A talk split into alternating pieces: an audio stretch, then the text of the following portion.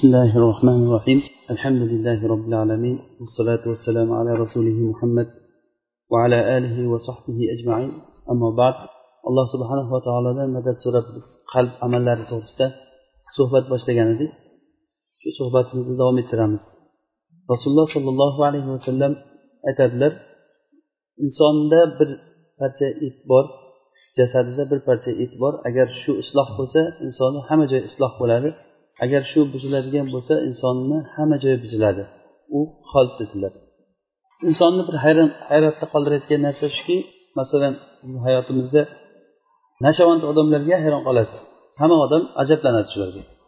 Nashavand odam o'zini ozroqdan keyin uni hayoti kul bo'lishligini umri xazon bo'lib tamom batamom uni hayoti bitishligi nuqta qo'yishligini yaxshi bilib turib bilib turib ham o'sha shahvatidan tiyolmasdan o'ziga o'zi kerak bo'lsa boshqalardan iltimos qilib sotib olib hamma narsasini sotib kerak bo'lsa ahli ayolini ham o'zini izzati nafsini ham hech nima qolmaydi. Hamma narsani shu narsaga almashtirgan nashavand odamga qarab ba'zan odam bu g'irt ahmoq odam bu nima deyishingizni ham bilmay qolasiz yo o'ta ketgan shahvatiga ergashgan odammikan yo shunchalik g'ofilmikan foyda ziyonni ajratolmaydigan yoki foyda ziyonni ajratolsa bilib turib qilayotgan bo'lsa shunchalik o'zini hayotini bir arzimas shahvatiga almashib yuboradigan dunyosini ham oxiratini ham shunga berib yuborayotgan bir ahmoq bir g'ofil odam ekan deb hamma shunday degan e'tiqodda bo'ladi. Lekin yana ham chuqurroq nazar bilan qarasa aksar odamlar olloh ulardan istisno qilgan kishilardan boshqa iymon keltirgan va taqvo qilgan odamlardan boshqa odamlar mana shu yo'lda ekanligi odamga bayon bo'lib qoladi. Ba'zan shunday bir hayot bizda bir kishilarni ko'rasizki o'sha nashavand odamlar o'ziga nashadan iko qilgan paytda o'zini halok qilgan bo'lsa ba'zi odamlar o'zini ham o'zgalarni ham jamoat qilib halok qilganligini ko'radi. Inson hayotida to'g'ri yuraman yaxshi bo'laman dunyoyu oxiratim yaxshi bo'lsin obod bo'lsin degan e'tiqodda har bir odam o'zimga yaxshi bo'lsin deb baraka bo'lsin deydi hayotimga baraka bo'lsin deydi. Mana bu baraka degan narsa yaxshilikni ko'p bo'lishligi davomiy bo'lishligi deb aytgan edik va barakani eng aslisi iymon va taqvo edi. Alloh taolo qur'oni karimda aytadiki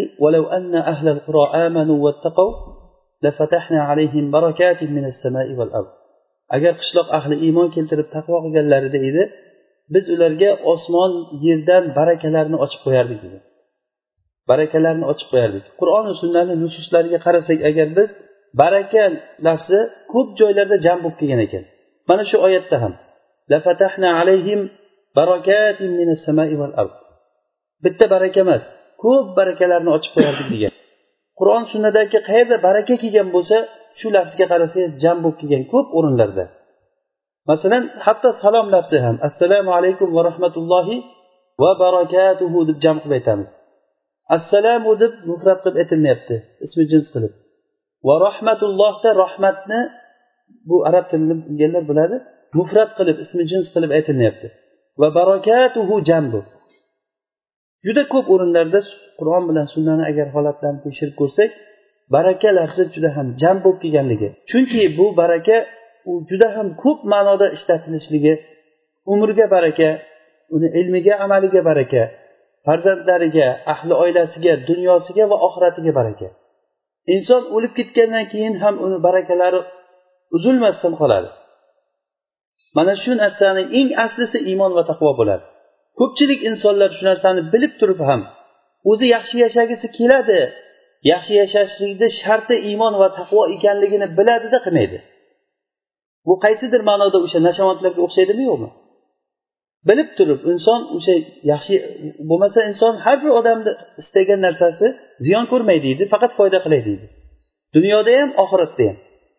Mana shu narsani bilib turib buni sharti iymon va taqvo ekanligini bilib turib ham iymon keltirmasdan yoki iymon keltirgan bo'lsa taqvo qilmasdan joyi kelgan paytda o'zini shahvatiga ergashib ketishligi pul muomalasi kelgan paytda xiyonat qilib pulni taqvodan ustun bilishligi yoki boshqa bir o'rinlar kelgan paytda o'zini izzati nafsidan kecholmasdan bir gapni gapirib qo'ygan bo'lsa o'sha gapidan qaytolmasdan haqqa ergasholmasdan o'zini ham o'zgalarni ham halok qilgan qancha qancha voiz imomlar bor.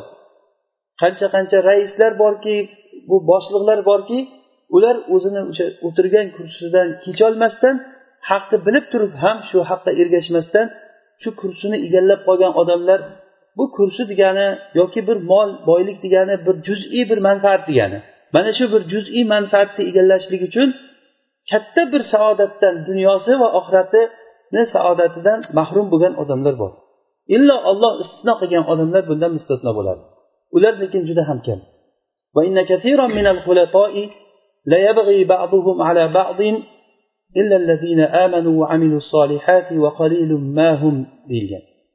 Ko'pchilik odamlar sherik bo'lib ishlagan paytda tijorat qilgan paytda biri ikkinchisiga zulm qiladi.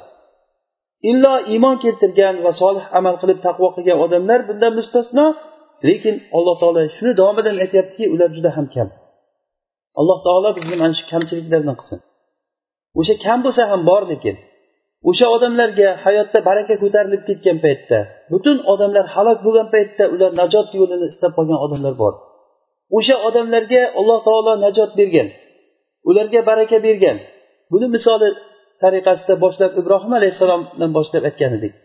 Ibrohim alayhissalom butun odamlar kofir bo'lgan paytda u kishi la ilaha illallohda qoyim turdilar o'zi va xotinlari.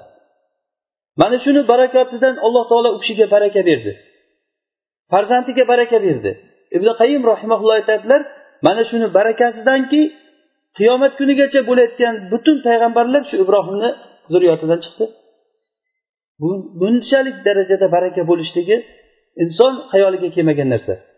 Qiyomat kunigacha bo'ladigan butun insonlarga qoyim bo'ladigan imomlar voizlar odamlarni pandi nasihat qilib yaxshilikka chorlovchilar shu kishini zurriyatidan chiqqan ekan. Biz ularni zurriyotlaridan imomlar chiqardik degan oyat. Mana shu imomlar ibrohim alayhissalomni zurriyatidan bo'lar ekan. Va shu kishini barakalaridan baytni baytullohni u kishini qo'li bilan qurilishligi mana bu ham katta bir baraka mana shu odamning bu shu kishining inson u kishi ham lekin bir insonlarga bir misol bo'ladigan imom bo'lib qoldi qiyomat kunigacha. Payg'ambarlarni hammasi ham. Bu kishidan keyingi payg'ambarlar rasululloh sollallohu alayhi vasallam. Hattoki rasululloh ibrohimni barakasiday baraka bo'lishligini so'ranglar menga deb aytdilar. Allohimma barik ala muhammad va ala ali muhammad kama barakta ala ibrohim xuddi ibrohimga baraka berganingdek muhammad sallallohu alayhi vasallamga va oilasiga baraka bergin deyishlikni bizga o'rgatdi buyurdilar. Mana bundan keyin boshqa sahobalarga o'tdik. Sahobalarni misolidan kechagi darsimizda biz muazibni sad ibn muoz bilan muaz ibn jabal roziyallohu anhu bularni hayotida qanchalik baraka bo'lganligini biz hozir umrdagi baraka haqida gapirayotgandik o'tgan majlisimizda bu majlisimiz shuni davom ettirgan bo'ladi. Umrdagi baraka bu tushunchasi shundayki insonni umri uzoq bo'lishligi emas bu. O'zi asli ibrat umrni uzoqligi bilan ham emas ne'matni ko'p bo'lishligi bilan ham emas. Balki o'shani foydali bo'lishligidir million millionlab cho'ntagingizda pulingiz bo'lib o'zingiz u pulni ishlatolmasangiz nima foydasi bor pul sizga? Oddiy bir qog'ozdan farqi bo'lmay qoladiku uni. Ne'mat xuddi shunday agar sizni dunyoyu oxiratingizga yaxshilikka xizmat qilmasa u ne'mat emas u narsa balki sizga niqmat ya'ni u narsa katta bir ilon chiyon misolidagi narsa bo'ladi. Balki o'shani o'zi ham bo'ladi. Insonga qiyomat kunida mollari olloh yo'lida nafaqa qilmaganligi uchun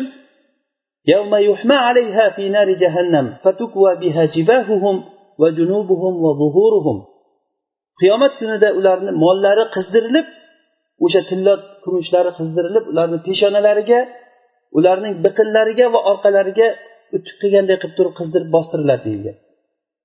Vaholanki biz o'sha narsani bu hayotda ne'mat deb o'ylaymiz.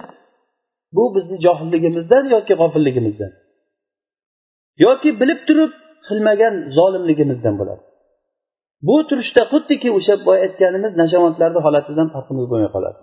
Bilib turib shahvati uchun shu narsalarni boshqa narsaga ishlatishlik. Sad ibn moz roziyallohu anhu islomga kirgan paytlarida u kishi o'ttiz yosh edilar. Dunyodan o'tganlarida o'ttiz yetti yoshda dunyodan o'tdilar. Yetti yil islomda yashadilar. Shu yetti yildagi qilgan ishlari u kishiga shunchalik barakot keltirdiki buni misolidan bittasi sadni o'limi uchun arsh larzaga keldi dedi rasululloh sollallohu alayhi vasallam. Bu arshki maxluqotlarni ustidagi eng buyuk maxluqot bo'la turib yer koinotni ustida osmon osmonlar ustida kursiy kursini ustida arsh mana shunday maxluqotlar ustidagi saq vallohu favqal arsh deganlar rasululloh sallallohu alayhi vasallam. Shu arsh larzaga keldiki sad ibn mozni dunyodan o'tishligi bilan. Mana bu hayotdagi baraka. Muoz ibn jabal o'n sakkiz yoshda islomga kirgan bo'lsa o'ttiz to'rt yoshda dunyodan o'tdilar. Mana shu paytda shu shu yilni ichida u kishi bu ummatni halol haromini eng biluvchisi bo'lib dunyodan o'tib ketdilar.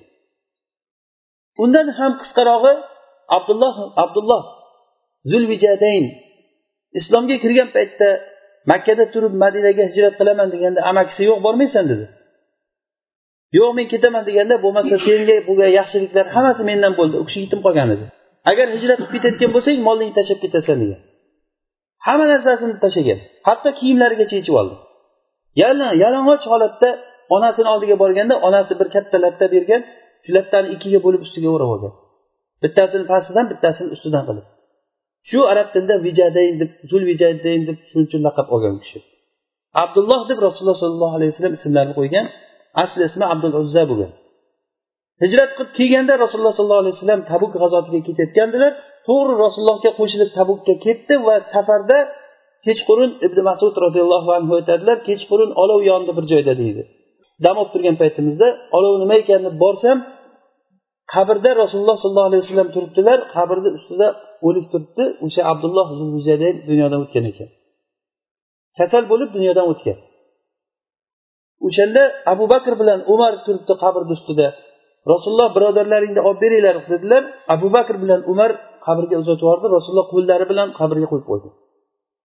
Duo qildilarki ey ollohim men abdullohdan rozi bo'ldim sen ham rozi bo'lgin dedilar. Hattoki ibn masud shu ummatni eng qanchalik martabada turayotgan aytadilarki men o'sha abdullohni o'rnida bo'lishlikni orzu havas qildim dedi. Mana bu umrdagi baraka. Va buni aksi bugun aytmoqchi bo'lganimiz buni aksi. Aksi bu har bir narsani yaxshiligi uni aksi bilan bilinadi. Yorug'likni yorug' ekanligi qorong'ulik kelsa bilinadi ko'zi ochiq odamlar ko'zni ne'matini ko'z ne'mat ketib qolsa biladi. Har bir narsadan odam ajralgan yoshlikni ne'matini qarilar biladi. Sog'likni ne'matini kasallar biladi. Boshqalar ham biladi yoshlar ham biladi ne'matni lekin his qilmaydi ular. Sog'likni ne'matini hammamiz bilamiz lekin uni his qilmaymiz. Qachoniki solihdan ajralsa odam ana shu paytda haqiqiy his qiladi. Mana shunday barakani bu muqobilidagi holatda ba'zi bir insonlarni ko'rasizki hayotda yashab odamlar qatori yashab yashab hech nimasiz bo'lib dunyodan o'tib ketgan na undan asar qolgan. Undan ham yomoni undan keyin qolayotgan narsa faqat fasod qolgan. Shulardan biri ahmad ibn abi duad. Bu kishi imom ahmad rahimaullohni davrlarida qodil qudot bo'lgan. Xalifa mutasim va vafiq billah. Mana shu xalifalarni davrida u kishi xalifa nima qodil qudot bo'lgan qodil qudot degani qozilarni butun islom ummatiga saylanadigan qozilar shu odam tarafidan qo'yiladi degan mana shu odam qozil quzot bo'lib turib shunaqangi saxovat bilan tanilganki hattoki aytilgan ekanki abbosiylarni xilofat davridagi eng saxiy odam abbosiylarni xilofatidagi eng saxiy kishi baromikalardan keyin shu ahmad ibn abi duat bo'ladi degan. Baromikalar degani bular baromik degan barmak degan bir masihiy kishi bo'lgan uni nevaralari bolasini bolalari islomga kirgan abbosiylar davrida. U o'sha nima xuroson tarafdan bo'lgan bular. Islomga kirgandan keyin nihoyatda bir katta islomga foydasi keltirgan odamlar bo'lgan urug'i bilan butun boy kishilar bo'lgan.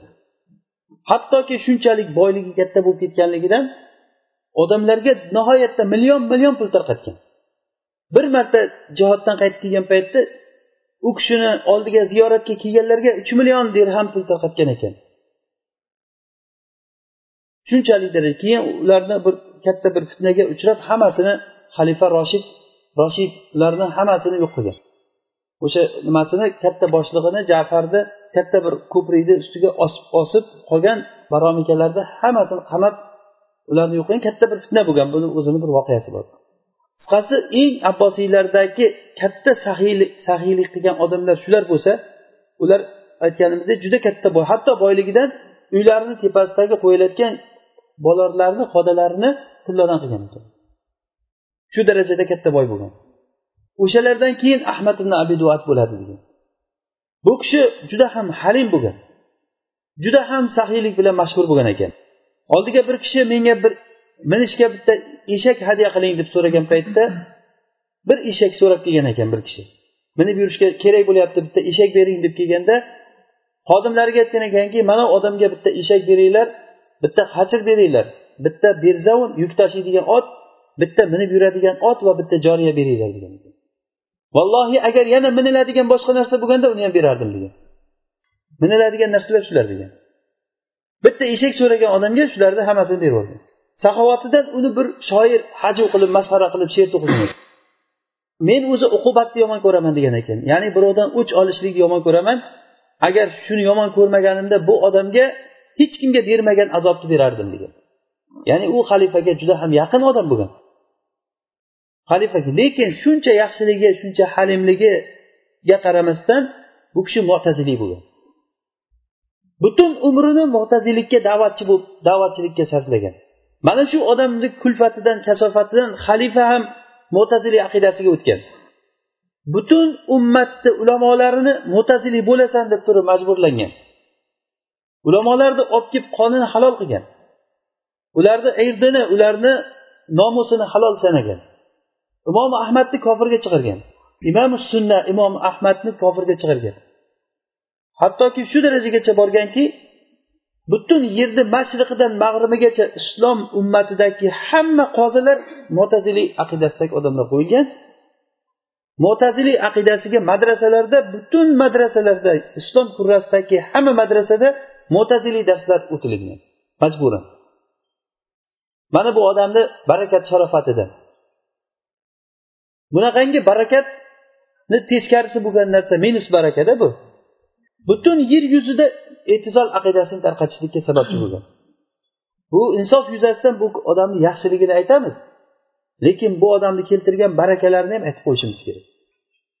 Imom ahmadni olib kelib turib xalifa vosiqni oldiga kelganda xalifa mutasim u yomonroq bo'lgan vosiqdan ko'ra. Bular horun rashidni o'g'illari aka uka o'sha mutasim imom ahmadni olib kelinglar uni. Juda qattiq so'zlar bilan gapirib so'kib gapirgan imom ahmad haqorat qilib. O'shanda xalifani odamlari kelib turib seni xalifa olib ketishga buyuryapti deganda ey ollohim menga shu xalifani yuzini ko'rsatma degan shu duosidan kishilar yo'lga chiqqan bir kunni yurgandan keyin xalifa o'ldi degan xabar kelgan. Hali xalifaga olib borishdi. Xalifa o'libdi deb yana qaytarib olib kelgan. Shu odam uchun imom ahmad yigirma sakkiz oy qamoqda yotgan. Har kuni urilgan har kuni. Keyin mo'tazimni o'rniga xalifa vosiq bo'lgandan keyin keyin vosiq olib keltirgan uni. Imom ahmadni olib kelgan olib kelgan paytda shu yo'llarda hushdan ketib qolgan bir necha marotaba.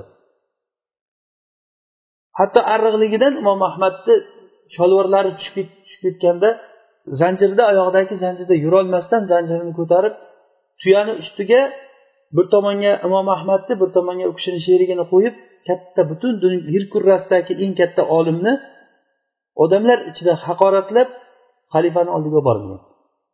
Xalifani oldida turganda haligi vofiq xalifa ko'rgandan keyin imom ahmadni ko'rib baribir vosiqda sal insof bo'lgan. Ko'rgandan keyin u kishi yaxshi gapirib imom ahmadga yaxshi gapirib tursa haligi ahmad ibn abiduvot ya amirul mo'minin uqtulhu degan o'ldiring uni degan. Yonida turgan boshqa sheriklari shuni gunohi meni bo'ynimga o'ldiravering degan buni qoni meni bo'ynimda o'zim javob beraman qiyomat kuni siz o'ldiring buni degan. Bu kofir bu degan. Shunda ham haligi xalifa bir o'ldirmoqchi bo'lgan yana sal yumshab qolib hukm chiqaraman degan paytda imom ahmad ey amir mo'minin oyatda alloh taolo mana bunday deydi. Hadisda rasululloh sollallohu alayhi vasallam bunday deganlar deb gapirsa oyat hadis bilan yana to'xtab qolgan xalifa.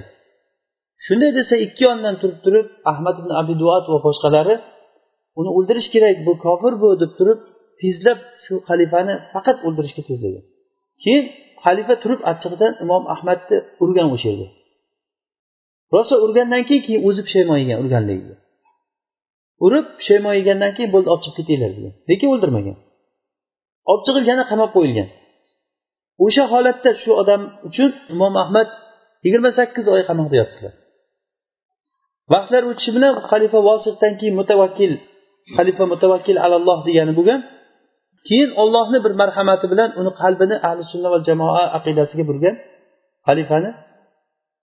U bo'lgandan keyin o'zi ahmad ibn abiduvotga alloh taolo bir kasal berib falaj kasaliga uchragan. Falaj kasalligi shol bo'lib qolgan. To'shakda shu terisi kasallanib terisi shunchalik badanini siqadigan bir kasalga uchragan ekan. Hatto o'sha zamonda kishilardan bir kishi oldiga kirib turib aytgan ekanki holing qanday men seni kasal ko'rgani kelganim yo'q degan ekan. Lekin ollohga hamd aytgani keldimki seni o'zingni teringni ichiga o'zingni qamab qo'yganligingni bir ko'ray deb keldim degan ekan. Imom ahmadni yigirma sakkiz oy qamagan bo'lsa u odam o'zini terisida bir necha yillar to'shakda qamalib yotgan. Undan keyin abul valid degan o'g'li qozi bo'lgan o'sha abu duatni o'g'li abul valid degan o'g'li qozi bo'lgan. Imom ahmad haligi mutavakkil alloh xalifa bo'lgandan keyin imom ahmadni juda ulug'lab imom ahmadni butun imom sunna deb shu kishini yo'lida yurishni boshlagandan keyin haligi qozini bo'shattirib o'rniga boshqa bir qozini qo'ygan. Imom ahmadni nimasi? Yahya ibn aksam degan kishini. Keyin boyagi xalifani o'g'liga o'n olti million o'n olti million dirham bo'yniga jarima bosgan ekan qozini o'g'liga. Chunki u qozilik qilishlikda ko'p davlatni pullarini baytulmolni pullarini o'zlashtirgan kishi bo'lgan. Bu katta musibatda g'amga tushib o'g'li ham otasi ham shu bir oy ichida ikkalasi ham o'lgan ekan. Birinchi o'g'li o'lgan keyin ahmad ibn abiduvotni o'zi o'lgan ekan. O'limi ham juda ham yomon bo'lgan uni lekin mayli o'lib ham yo'qolib ketsa qaniydi u odam endi? Uni orqasidan qancha e'tizol aqidasida dars qilinayotgan kitoblar qoldi. Shu aqidada sobit turgan odamlar qoldi. Shunchalik bo'la turib ham unga yomonligi boraveradi buni. Lekin ahli sunna va jamoa aqidasi shunchalik yana zohir bo'lib ko'tarildiki birdaniga butun yer yuzidagi mashriqidan mag'ribagacha o'qitiladigan madrasalardagi e'tizol aqidasi birdan yo'q bo'lib ketdi so'nib ketdi tamoman yo'q bo'lib birdan ahli sunna va jamoa aqidasida darslar boshlandi. Ollohni bu degan bir marhamati bo'ldi bu. O'sha odam ahmad ibn abi duat yashadi yashagancha. Alloh taolo unga mansab berdi. Unga obro' berdi hayotda. Lekin nimani olib ketdi shu odam o'zi bilan? Bunaqangi misollardan juda ham ko'p tarixda qarasangiz. Demak ibrat umrni uzunligi emas yoki ne'matni ko'pligi emas. Imom ahmadni sheriklari ahmad ibn nasr al huzaiy degan kishi imom ahmadni yo'liga ergashganligi uchun xalifa u kishini boshini kesib gavdasini osib qo'ygan ekan. Bir necha yillar osilgan turgan ekan hech kim olmagan shuni. Keyin mutavakkil alalloh xalifa bo'lgandan keyin uni gavdasini tushirib ko'mdirgan mana buni ham sababchisi o'sha ahmad ibn abi duat bo'ladi yana bir tarixiy shaxslardan bir misol ibn foriz degan odam. Bu ibn foriz degan kishi juda ham so'zamol she'rga juda ham usta odam bo'lgan ekan. U kishini she'rlari arab tilida yozgan she'rlari juda ham maqtanilingan. Lekin shunday bo'lishiga qaramasdan u fano degan bir narsani oldin surib shu bidatni chiqargan odamlardan bo'ladi. Bu fano degani falsafa ahlidagi falsafa ahlidagi eng aynigan toifasi hisoblanadi. Shunchalikki inson ibodat qilib qilib bir darajaga yetib borgan paytda uni jasadida alloh taoloni bir juzi jasadiga kirib qolib ollohga aylanib qoladi u odam ya'ni tamoman u gapirsa olloh bo'lib qoladi fe'li ham olloh bo'lib qoladi. Shu darajaga yetgandan keyin ibodat soqit bo'ladi bu odamlar ibodat qilmaydi. Chunki ibodat qilsa o'ziga o'zi ibodat qilgan bo'ladi shu to'g'risida she'rlar yozgan bu odam. Bir qancha she'rlar yozib fano to'g'risida o'lish paytida bir she'r yozgan ekan o'sha she'rida ma'nosi men butun umrimni zoyi ketkazdim shuncha vaqt qilib yurganlarim qarasam hammasi hayol ekan degan ma'noda bir she'r yozgan ekan shu odam. Bu ham hayotdan yashab butun umrini butun ilmini ollohni yo'lidan to'sishlikka ishlatib o'tib ketgan odamlardan biri. Bizni islom tarixidagi eng bizga bizda hozirgi voqeligimizga eng o'xshagan tarix to'rtinchi asrni tarixi ekan. O'sha to'rtinchi asrda hozirgi mana shu aytgan voqealarimiz asosan imom ahmadlarniki uchinchi asrda bo'lgan undan keyin to'rtinchi asrlarda bo'lgan voqealar yer yuzini butun yer yuzini shiyalar qoplab qolgan. Butun yer yuzini. O'sha ibn buvay buvayhiylar deyiladi buvayhiylar xilofati. O'shanda bular xuroson tarafni va mavaro nahr tomonlarini turkmaniston ozarbayjon mana shu taraflarni butun egallagan odamlar bo'lgan. Bu yoq tarafda fotimiylar yerni mag'ribidan boshlab tunis jazoir liviya buyog'i misrgacha keyin hijozga o'tgan. Hijozni ba'zi bir joylari istisno bo'lmasa aytarli hamma joyini fotimiylar egallagan. Bu narigi biz tomonlarni tepa sharq tomonlarni bo'lsa buvayhiylar egallagan. Ular ham bular ham shiiy aqidasidagi kishilar bo'lgan. Butun yer yuzini shiyalar qoplab qolgan. Toki o'sha oltinchi asrni o'rtalaridan keyingacha salohiddin ayubiy chiqib fotimiylarni yo'q qilguncha butun yer yuzida shiyalik aqidasi tarqatilingan. Hattoki islom ummatiga ziyon bo'lishlik uchun azhar hozir misrdagi azhar universitetini qurganlar o'sha yerda sahobalarni so'kishga maxsus minbarlar qilingan. Umar hattoki eshiklariga muaviya kofir deb yozib qo'yilgan ochiq ismi bilan. Olloh la'natlasin muaviyani olloh la'natlasin fotimani haqqini bermagan kishini ya'ni abu bakrni aytgan. Go'yoki abu bakr rasulullohdan keyin xalifa bo'lganda rasulullohdan qolgan yerlarni u kishini meros qilib tarqatib bermagan ekan farzandi fotimaga. Vaholanki rasululloh aytganlarki biz payg'ambarlar jamoasi meros qoldirmaymiz. Bizdan qolgan har bir narsa sadaqa bo'ladi deganlar. Fotima onamizdan so'rab kelingan paytda ali so'rab kelgan. Aliga aytganki rasululloh mana shu gapni aytganlar men meros bermayman sizlarga degan rasulullohdan qolgan har bir narsa sadaqa bo'ladi degan. Bu narsa shiyalarga ushlab olgan katta bir dastak bo'lgan. Fotimani haqini to'liq bermagan kishini olloh la'natlasin va abbosni shuroga qo'shmagan kishini olloh la'natlasin ya'ni umarni aytgan. Umar roziyallohu anhu shuro ashobi shuroda abbosni qo'shmagan. O'shani katta bir dastak qilib ushlab olib bular abbosni shuroga qo'shmagan kishini olloh la'natlasin abu zarni chiqarib haydab yuborgan kishini olloh la'natlasin deb usmonni aytgan. Usmon roziyallohu anhu abu zar roziyallohu anhuga u kishi juda ham zuhudda qattiq bo'lganliklaridan sahobalarni hech kimni tinch qo'ymagan dunyoga berilib ketyapsan hammang unaqa qilyapsan bunaqa qilyapsan deb hamma bilan urishavergandan ko'p shikoyat tushavergandan keyin abu zarga aytganki sal chekkaroqqa chiqib yashab tursang bo'lar ekan degan. Odamlar bilan kelisholmayapsan deganda u kishi ham ma'qul o'zi men ham shuni xohlab turuvdim deb chekkaroqqa chiqib o'zi uzlatda yashaganlar mana shuni bularga katta bir bahona bo'lganki abu zarni haydab chiqargan kishini olloh la'natlasin. Abbosni shuroga qo'shmagan kishini ya'ni umarni la'natlasin. Fotimani haqini bermagan kishini ya'ni abu bakrni olloh la'natlasin. Muoviyaga ollohni la'nati bo'lsin deb muoviyani ismi bilan aytgan. Mana shu uchun minbarlar qurilib hozirgi azhar shular qurgan paytda bo'lgan bu. Mana shunday la'natlagan kishilar ozroq vaqtdan keyin butun ahli sunnaga butun yer yuziga nur taratadigan jomiyaga aylandi. To hozirgacha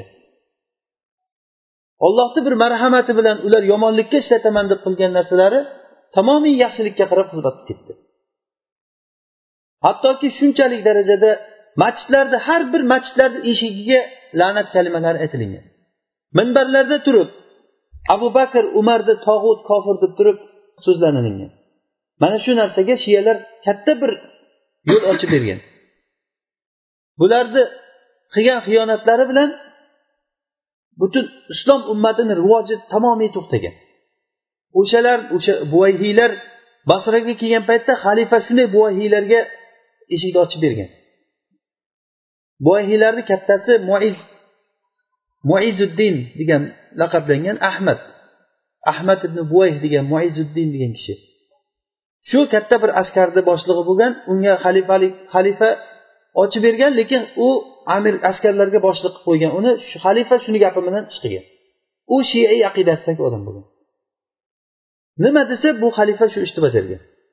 Mana shu bilan biz tomonlarga mavrov nahr taraflariga va xuroson basrada basraga shunchalik darajada bir baraka qochganki shular kelgandan keyin odamlarda ocharchilik boshlanib ketgan. Narxlar ko'tarilib ketgan qimmat bo'lib. Hatto odamlar kuchuklarni va mushuklarni so'yib yeyish darajasigacha borgan ekan ochidan o'lib haligi odamlarni ichida bir kasallik paydo bo'lib o'lim boshlangan ko'mib ulgurmay qolgan ekan odamlar. Ba'zi odamlarni go'shtlarini kuchuklar yegan ekan. Ko'mib ulgurmaydigan darajagacha borgan. Halabdagi musulmonlarga halabda buyoqdan rum tepa tarafdan halabga jang qilib kelgan paytda bo'lmasa rum umuman musulmonlarga jang qilayotgan holatda bo'lmagan. Halabga jang qilib kelgan paytda rumdan yerda musulmonlar rum bilan urushgani chiqib ular bilan urushib ketgan paytda bu yoqda qolgan shiyalarni nimalari shurtalari shiyalarni shurtalari musulmonlarni ahl ayollariga kirib ularni mol mulkini talon taroj qilishni boshlagan. Buni eshitgan jihodga ketgan mujohidlar orqaga qaytib kelgan paytda orqasidan rum bostirib kelgan yana. O'sha yerda rum halabga kirganda juda ham torbor qilib hamma joy dabdabasini chiqargan. Uchragan odamni o'ldirgan ekan. Ikki mingta yigitlardan ikki mingtasini asir olgan o'n olti mingta ayol va bolalardan asir olgan. Butun shahardagi yog'larni hamma narsani yoqib to'kib ko'targancha narsalar ko'tarib chiqib ketgan. Halabni mana shunday holatda tashlab ketgan. O'n olti mingta ayol va bolalardan olib chiqib ketgan o'zlari bilan ikki mingta yigitlardan ikki mingtasini. Qolganini o'ldirganicha o'ldirgan oldin chiqqan odamni o'ldirgan ekan. Bu narsalar hammasi shu shiyalarni boyagi shia deb qo'riqchi deb qo'ygan shurtalarni qilgan kasofatidan bo'lgan bu narsa. Naryoqdagi xalifasi xalifa bo'lsa qo'rqoqligidan sayfuddin sayful milla deb atalgan butun she'rlarda maqtalinadigan kishi abbosiylarni xalifalaridan shu odam boy buvayhiylarga ochib bergan. Ular shiya bo'lgan buvayhiylar kelgan ahli sunna va jamoatga juda ham qarshi odamlar bo'lgan. Butun millatni hamma joyga o'zlarini odamlarini qo'ygan. Hatto xalifani shiyadan qo'ymoqchi bo'lgan paytda yonidagilari nasihat bergan ekanki agar shiyadan qo'yayotgan bo'lsang bu xalq ahli sunna uni qo'ymaydi o'ldiradi degan agar u shiya seni o'zingga qarshi chiqsa seni o'ldiradi seni o'ldirsa hech kim himoya qilmaydi undan degan. To'g'ri aytasan deb turib ahli sunnadan odam nomiga faqat xalifani ismi va rasmi qolgan.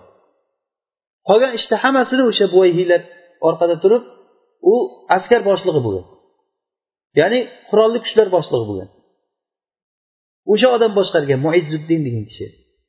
Muizzud davla uni akasi ruknud davla yana bittasi imadud davla uchta aka uka bo'lgan otalari bir baliqchi kishi bo'lgan ekan o'zi asli. Shuni o'g'illari askarga qo'shilib kattarib kattarib kattarib kelib xilofatgacha yetib kelib turib butun millatda shiyalik aqidasini tarqatgan. Bu narsa o'sha eron o'zi asli erondan chiqqan. Ular eron xuroson va mavaron nahr xalqlari butun mana shu tarafni shular egallagan. Bu yoqdan mag'rib tunis jazoir bu tomon to misr hijod yerlarigacha fotimiylar olgan. Hammasi shiiy aqidasidagi kishilar bo'lgan. Mana shularni kasofati bilan yer kurrasi qanchalar darajada zarar ko'rdi? Qanchalar zarar ko'rdi? Toki o'sha salohiddin ayubiyni vaqtlari kelgan paytda oltinchi asrda salohiddin ayubiy shu ollohni marhamati bilan ulardan tozalagan. Ollohni marhamatini ko'ringki misrda shularni birorta bir asarini ko'rmaysiz illo qurgan shu masjidlariyu minoralaridan boshqa aqidada yuzga yuz ahli sunna va jamoa bo'lib qolgan. Bu narsa katta bir alloh taoloni rahmati bilan bo'lgan. Bizni hozir aytmoqchi bo'lgan narsamizki qani o'sha shiyalar shu aqidani tarqataman degan buvayhiylar ahmad ibn buvay ali ibn buvay qani bular? Ular hammasi o'sha halok bo'lib ketdi va ulardan qolayotgan narsalar mana shunaqangi yomon amallari qoldi ularni. Ibn kasir rahimaulloh uch yuz qirq to'qqizinchi yillardagi ya'ni to'rtinchi asr yarimlari. Aynan o'sha buvayhiylar egallagan shiyalar buyoqda fotimiylar avjiga chiqqan payt bo'lgan. Toki besh yuz oltmish yettinchi yillarigacha hijriy yilgacha fotimiylar shu paytda salohiddin ayubiy shundan keyin tozalagan ular.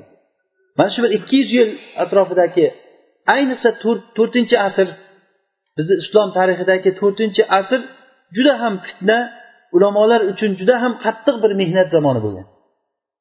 Yaxshi odamlarga tamoman kun qolmagan. Buyoqdan shiyalar tamoman rivojlanib ketgan payti bo'lgan. O'sha paytlarda hikoya qilib aytadilarki hattoki shu payti rum halabga bostirib kirgan. Rum halabga bostirib kirib turib bu narsa yigirma martalar takrorlangan. Bostirib kirib butun odamlarni o'ldirib ayollarni bolalarni asrab chiqib ketavergan ulardan himoya qiladigan musulmonlarni kuchi bo'lmagan. Chunki bularni aqidasi bo'yicha shiyalarni aqidasi bo'yicha haligi o'zlarini e'tiqodidagi imomi chiqsa o'sha bilan birga jang qilamiz deb bu narsalarni himoya tarafini tamoman tashlab qo'ygan. Xalqni o'z holatiga qo'yib qo'ygan faqat shiyalikni tarqatish bilan ovora bo'lgan bular. Ularni e'tiqodicha muhammad ibn hasan degan bir imomi besh yoshlik bola sirdobga iroqdagi iroqda bir sirdobga kirib ketgan somirroda. O'sha sirdobga kirib ketgan u endi chiqadi deydi. O'sha yerda turib boshqargan qancha paytdir o'sha sufarolar orqali boshqargan. O'sha sufarolar davrida to'rtta imom ikki yuz yil atrofida to'rtta safir o'tgan ulardan ularni e'tiqodicha o'sha safirlari borib turib o'sha g'orni oldiga boradimi yo tushda keladimi o'sha imom ularga nima beradi? Ko'rsatma berib turadi o'sha imomini ko'rsatmasi bilan bu davlatni boshqaradi. Keyin oxirgi o'sha safiri to'satdan o'lib qolgan o'rniga safir tayinlanmay qolgan. Bu bilan endi ular aytganki endi kutish boshlandi. Toki o'sha imomil muntazar chiqadi hozirgacha ular somirroda eshak olib borib turib g'or tagiga borib turib kutib o'tirar ekan. Qachon imom chiqsa mindirib olib kelaman. U chiqsa keyin biz kofirlarga qarshi jihod qilamiz. O'shalarni keyin kunini ko'kka kunini ko'kka sovuramiz deb mana shu aqida bilan hozirgacha shu narsani kutib turadi. U o'zi bilan birga o'sha fotima roziyallohu anhoni qur'oni bor bitta. To'liq qur'on o'sha. O'shani olib chiqadi o'zi bilan. Bu qur'onni ular komilmas qur'on deydi. To'liqmas deydi.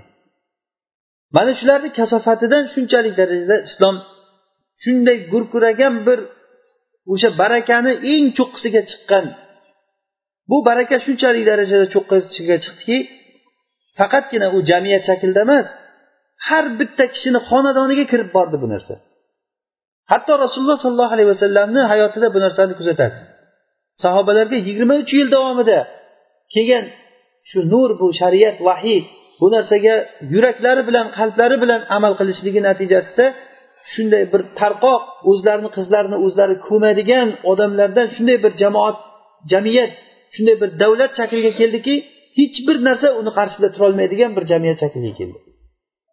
Bu nafaqat u jamiyat shaklidagi bir ko'rinish balki u afrodlarni ichida ham katta bir barakali ishlar bo'lgan har bitta shaxsni uyiga kirib borgan edi masalan ba'zi bir davlatlar bo'lishligi mumkin kuchli bo'lib ko'rinadi tashqari tomondan. Ya'ni chegaralarni qattiq o'rab qurol tomondan qattiq kuchayib hukumatni qattiq bir qaqshatqich kuch bilan ushlab turishligi mumkin siyosat bilan. Lekin odamlariga qarasangiz ko'p odamlar qashshoqligi evaziga bo'ladi bu narsa. Ko'pchilik odamni noroziligini evaziga bo'ladi. Lekin bu davlatni ishiga qarasangiz har bitta odamni xonadoniga baraka kirib borgan edi. Rasululloh sollallohu alayhi vasallam kechalari namoz o'qirdilar. Bir rakatiga namozni baqarani oli imronni nisoni moidani so'ra qildilar. So'raladigan joyda kelib so'radilar panoh so'raladigan joyda panoh so'radilar ruku qildilar xuddi shuncha vaqt ruku qildilar. Rukudan turdilar xuddi shuncha vaqt turdilar. Sajda qildilar xuddi shuncha payt sajdada turdilar. Mana shu bilan ikki rakat namoz o'qiganlar bir kechada. Bu kechada agar bu o'qilingan narsani muborak kechada bo'ladi demasangiz buni tasavvur qilish juda ham qiyin. Usmon roziyallohu anhu bir rakat namozga o'ttiz pora qur'onni xatm qilardilar. Bir rakat vitrga. Kechqurunda bir rakat vitr o'qib turib o'ttiz pora qur'onni xatm qilganlar. Bu muborak kecha bo'lmasa bu narsani qilish qiyin. Imom navaviy rahimaulloh aytadilar menga siqa ya'ni ishonchli adolatli odamlar naql qilib berdiki ba'zi solih kishilar kuniga kunduzi to'rt marta kechasi to'rt marta xatm qilganligini eshitdim degan. Qur'onni.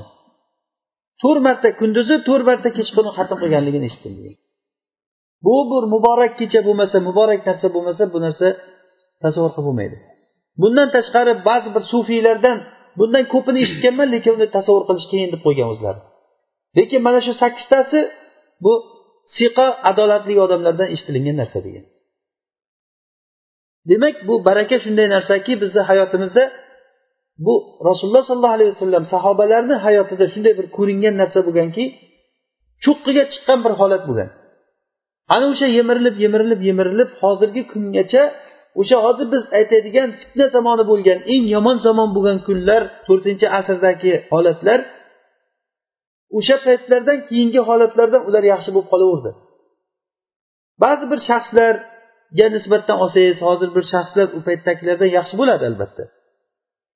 Mumkin yaxshi bo'l o'sha yaxshi bo'lgan shaxsga o'zi alloh taolo barakasini beradi. Lekin umumiy ummat sifatida kundan kunga biz orqaga qarab yemirilib yemirilib hozirgacha kelyapti.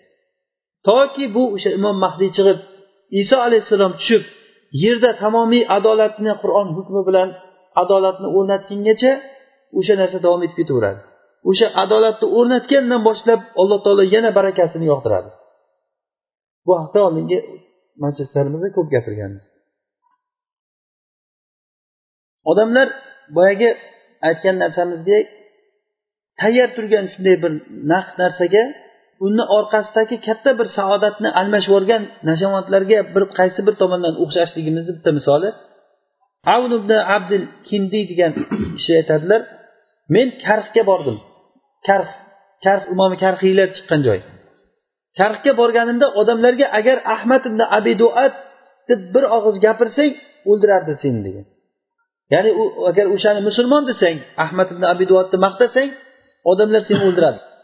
Ya'ni butun xalq uni yomon ko'rardi degan. Mo'taziliy odam.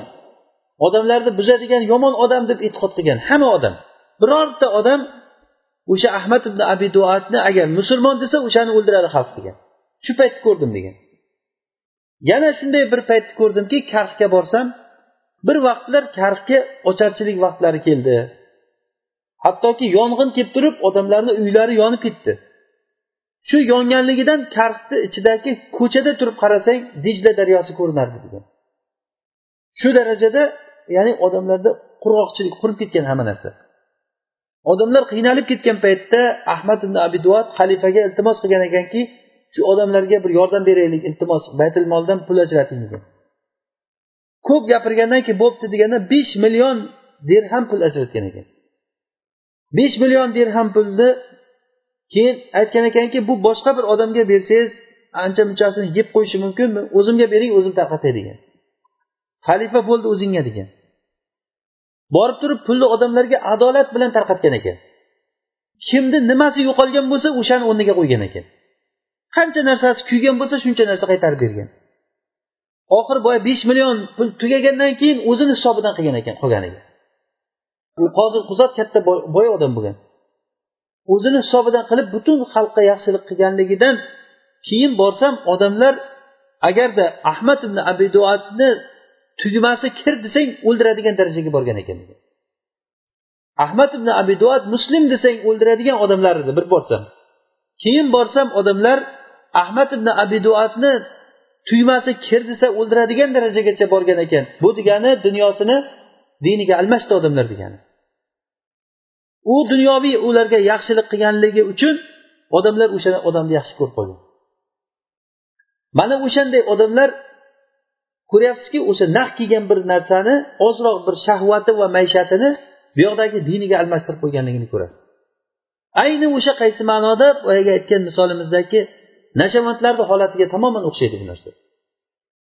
Ozgina bir shahvat uchun ozgina narsa uchun hatto odamlar ochiqchasiga bu narsani aytganlarini men o'zim ko'zim bilan ko'rib quloq bilan eshitdim.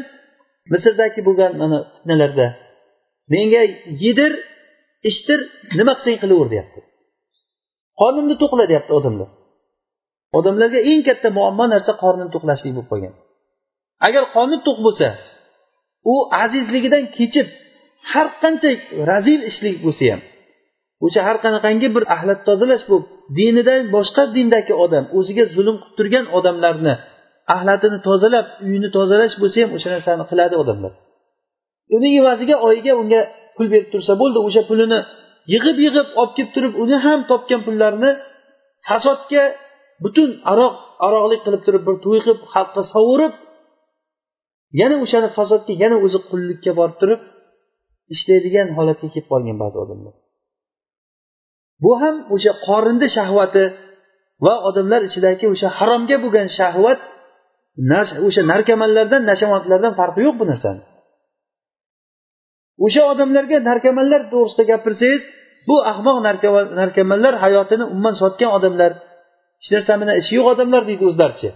O'zingchi nimani nimaga almashtiryapsan o'zing? Qorinni shahvatiga diningni almashtirmadingmi?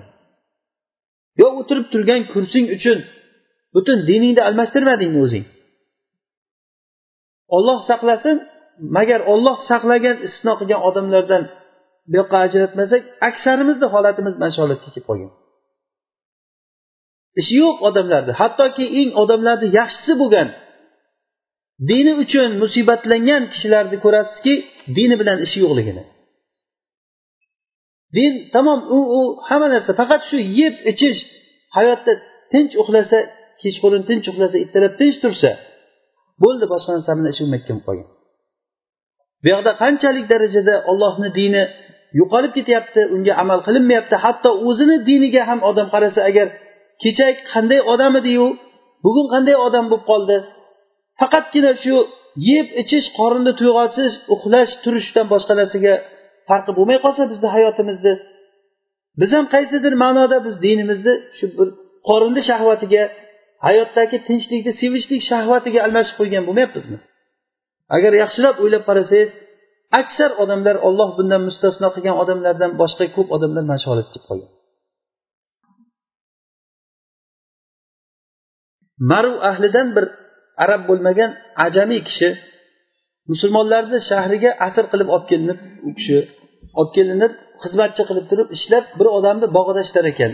Ismi muborak ibn vodih degan kishi bo'lgan ekan. Muborak ibn vodih degan odam. Bir necha yil bir kishini bog'ida bog'bon bo'lib ishlagan ekan. U bog'da mevalari bo'lgan. Bir kuni bog'ni sohibi mehmon kelib qolgan ekan. Shunda haligi kishiga aytibdiki muborakka borib bizga mevalardan uzib kel yeymiz degan. Shunda mevalardan uzib kelgan paytda hali yaxshi pishmagan nordonroqlarini olib kelib qo'ygan. Haligi xo'jayinni achchig'i chiqib yegandan keyin shuncha yildan beri bog'bonlik qilib boqqa qaraysanu bir mevani pishgan pishmaganini ajratolmaysan desa uzr men yeb ko'rmagan ekanman degan. Sen yeb ko'rmab shuncha yildan beri qanday yemaysan? Buni desa aytgan ekanki shuncha menga yeyishga ruxsat berganingiz yo'qku degan. Men faqat shu boqqa qarayman deganda hayron qolgan ekan boyagi kishi buni omonatiga. Eslab qarasa shunga yegin deb aytmagan ekan. Yillar davomida boqqa qarab yurgan lekin bir dona bog'dan olib yemagan ekan. Haligi kishi buni omonatidan ajablanganligidan o'zini qizini nikohlab bergan ekan shunga. Bu qizi bilan ikkalasidan bir farzand tug'ilgan ismini abdulloh deb ismlagan abdulloh ibn muborak. Abdulloh ibn muborak ulamolar butun ijmo imomil muborak deydi bu kishini. Hatto yahya ibn maindan so'ralganda abdulloh ibn muborak haqida nima deysiz deganda abdulloh ibn muborak shu odam haqida ham so'raladimi? U amirul mo'minin degan. Amirul mo'minina fil hadis degan ekan. Hadisda mo'minlarni amiri bo'ladi u kishi degan. O'shanday halol yegan pok yurgan kishidan bu tug'ilgan farzand bo'ladi. Yahya ibn maindan so'ralgan ekanki abdulloh ibn muborak yaxshimi abdurazzoqmi degan. Abdurazzoq ibn hammam bu kishi imom ahmadni shayxi bo'ladi. Abdulloh ibn muborak afzalmi? Abdurazzoqmi deganda abdulloh ibn muborak abdurazzoqdan va uni ahlidan ko'ra afzal degan bitta o'zidan ham emas degan. Abdurazzoq bu abdurazzoq ibn hammam bu kishi imom ahmadni shayxi bo'ladi. Yahya ibn maindan so'ralgan ekan agar yahya ibn said bilan yahya ibn said qotton shu kishi bilan vaki ibn jarroh vaki ibn jarroh bu kishi shofiyni shayxi bo'ladi. Shu ikkalasi ixtiloflashib qolsa kimni gapi gap bo'ladi? Ya'ni qaysini gapini olishimiz kerak deganda aytgan ekanlarki yahyani gapi gap bo'ladi degan. Ya'ni yahya ibn said al qutton abdurahmon ibn mahdiy bilan agar yahya ibn said talashib qolsa bu qaysini gapi gap bo'ladi? Deganda ularni o'rtasida bitta yechib beruvchi odam kerak. Ikkovsi teng degan ekan. Ikkalasi ham teng imomlar. Abu nuaym bilan abdurahmon abdurahmon ibn mahdiy ikkalasi agar ixtiloflashib qolsa qaysini gapi gap bo'ladi deyilsa ularga ham bitta yechib beruvchi kerak degan ekan. Abdulloh ibn muborakchi agar bular bilan ixtiloflashsachi desa abdulloh ibn muborak amirul mo'minin degan. U odam sayyid min sadatinnas degan ekan. Odamlarni eng ulug'laridan bo'lgan ulug' kishi bo'ladi. U kishi yoshligidan o'zi hadisni yodlamagan ekan. Abdulloh ibn muborak hadisga shu qarab tursa qalbiga joy bo'lib qolar ekan. O'qib bir o'qib bir qarasa bo'ldi qalbiga joy bo'lib qolgan ekan. Bunday barakali kishi hattoki shu men qachon o'zi nima shayximiz ham abdulloh ibn muborak imomul muborak deb gapirardi doim. Agar bu kishini zahabiydagi siyar alam nubalada siyrasini o'qing.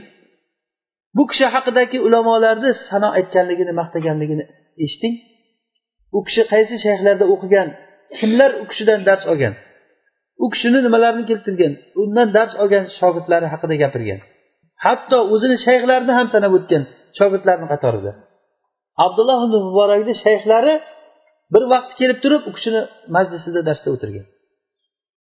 Imom molik rahimaullohni nimasiga majlisiga borgan ekan bir. Imom molik bilan aqron bo'lgan bular teng bir zamonda yashagan. Imom molik abdulloh ibn muborakni ko'rgandan keyin imom molik juda ham siyosatli kishi bo'lgan o'zi dars bo'yicha. U kishini majlisida birorta odam qimirlagani qo'rqqan ekan. Hattoki o'sha vakiy ibn jarroh imom molikni shogirdi bo'lgan. Vakiy ibn jarroh shu imom molikni nimasida varaqni varaqlanmas ekan kitobni varaqini juda ham ohistalik bilan varaqlaykan ovoz chiqarmasdan odob bo'lganda o'sha abdulloh ibn muborakni ko'rgandan keyin majlisdan joy ochinglar degan ekan. Kelib turib o'ziga yaqin joyga o'tkazgan ekan. Qanaqangi bir masalada gapirsa abdulloh muborakka qarab sizlarda nima deyiladi bu deb qo'yar ekan. U kishi faqihu xuroson bo'lgan. Abdulloh muborak xurosonni faqihi bo'lgan. Xuroson hozirgi afg'oniston shunda ibn muborakka qarab sizlarda bu masalaga nima deyiladi deysizlar desa sekin hech kimga eshittirmay imom molikni o'ziga gapirar ekan sekingina. Ya'ni gapimiz ikki xil chiqib qolmasin odamlarni ichida deb sekin o'sha yerda o'tirgan odamlar aytar ekanki bu odamni odobiga nihoyatda qoyil qoldik hammamiz keyin u kishi chiqib ketgandan keyin aytgan ekanki tanidinglarmi bu odamni? Xurosonni faqihi abdulloh muborak shu bo'ladi degan ya'ni u kishi kelgan paytda odamlarga joy beringlar deganda ko'pchilik tanimagan u kishini. Imom molikni bu qilgan ishiga odamlar ham hayratda qolgan. Hech qilmagan ishini qilgan odamlarga. Keyin bilsalar u abdulloh ibn muborak imomul muborak degan. Qosim ibn muhammad rahimaulloh aytadilarki men abdulloh ibn muborak haqida eshitganimda u kishini agar muhaddis kishi desam ajablanmasdim chunki muhaddislar ko'p degan. Faqih desam ajablanmayman chunki faqihlar ko'p degan. Nimasi bilan u kishi odamlar ichida bunchalik darajaga katta sharafga erishgan ekan deb juda ham hayratga tushardim. Chunki birorta odam qolmay hamma maqtagan bunday odam ummat ichida bunaqangi odam topilishi qiyin bo'lgan.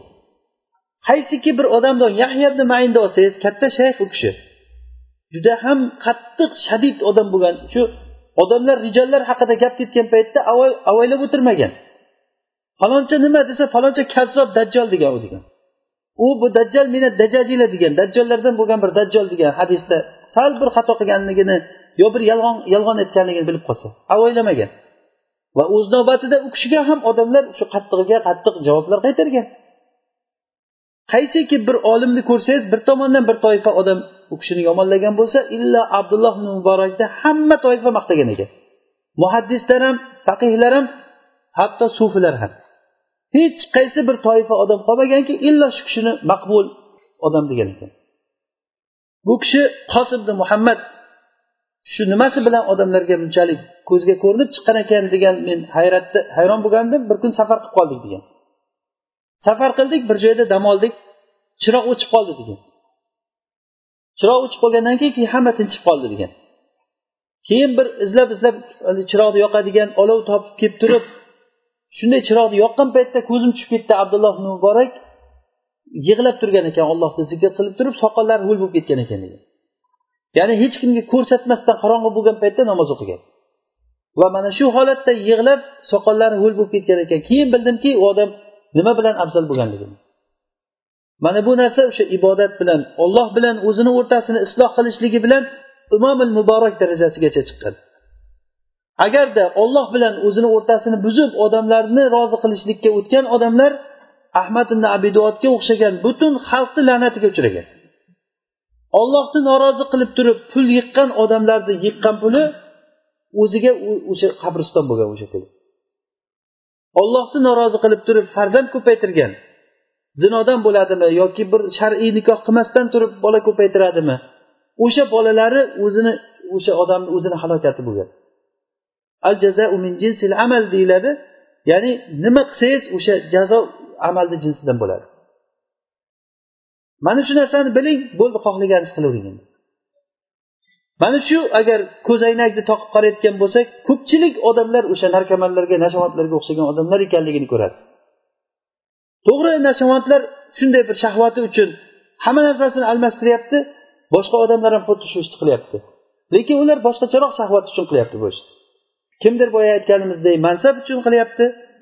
Kimdir pul kelishligi uchun haloldan keladimi haromdan keladimi robbisini g'azablantiradimi pul?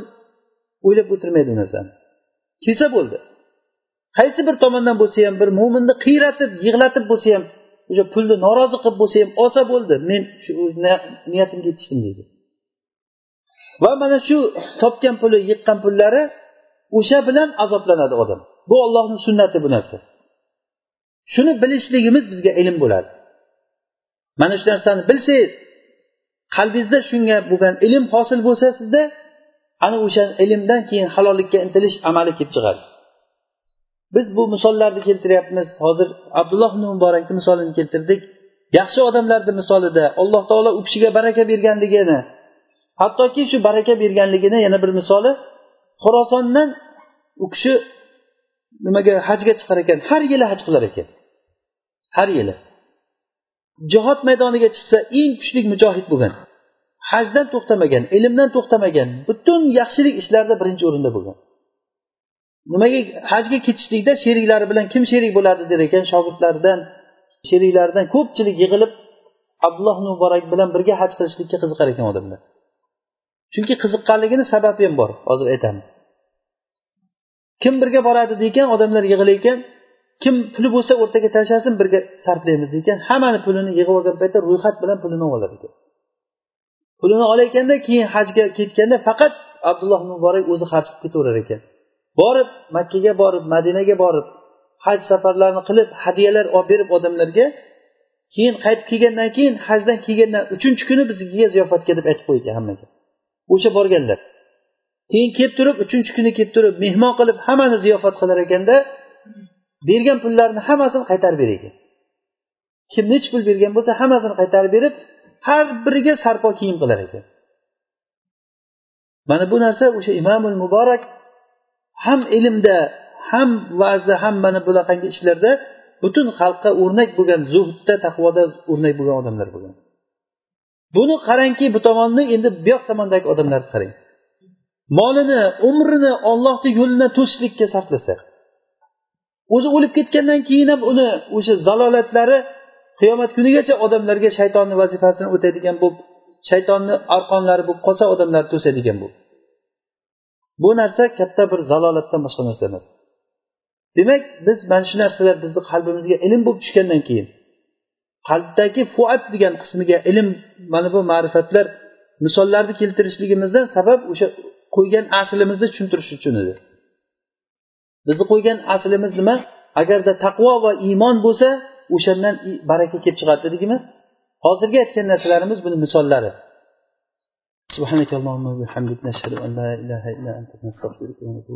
Alloh taolo baraka bersin eshitganlarimizga amal qilishlikni o'zi nasib qilsin. Inshaalloh mana bu umrdagi baraka hali yana bizni yo'limizda amaldagi baraka ilm barakasi. Alloh nasib qilsa bu narsalarni sekin sekin misollar bilan tushunamiz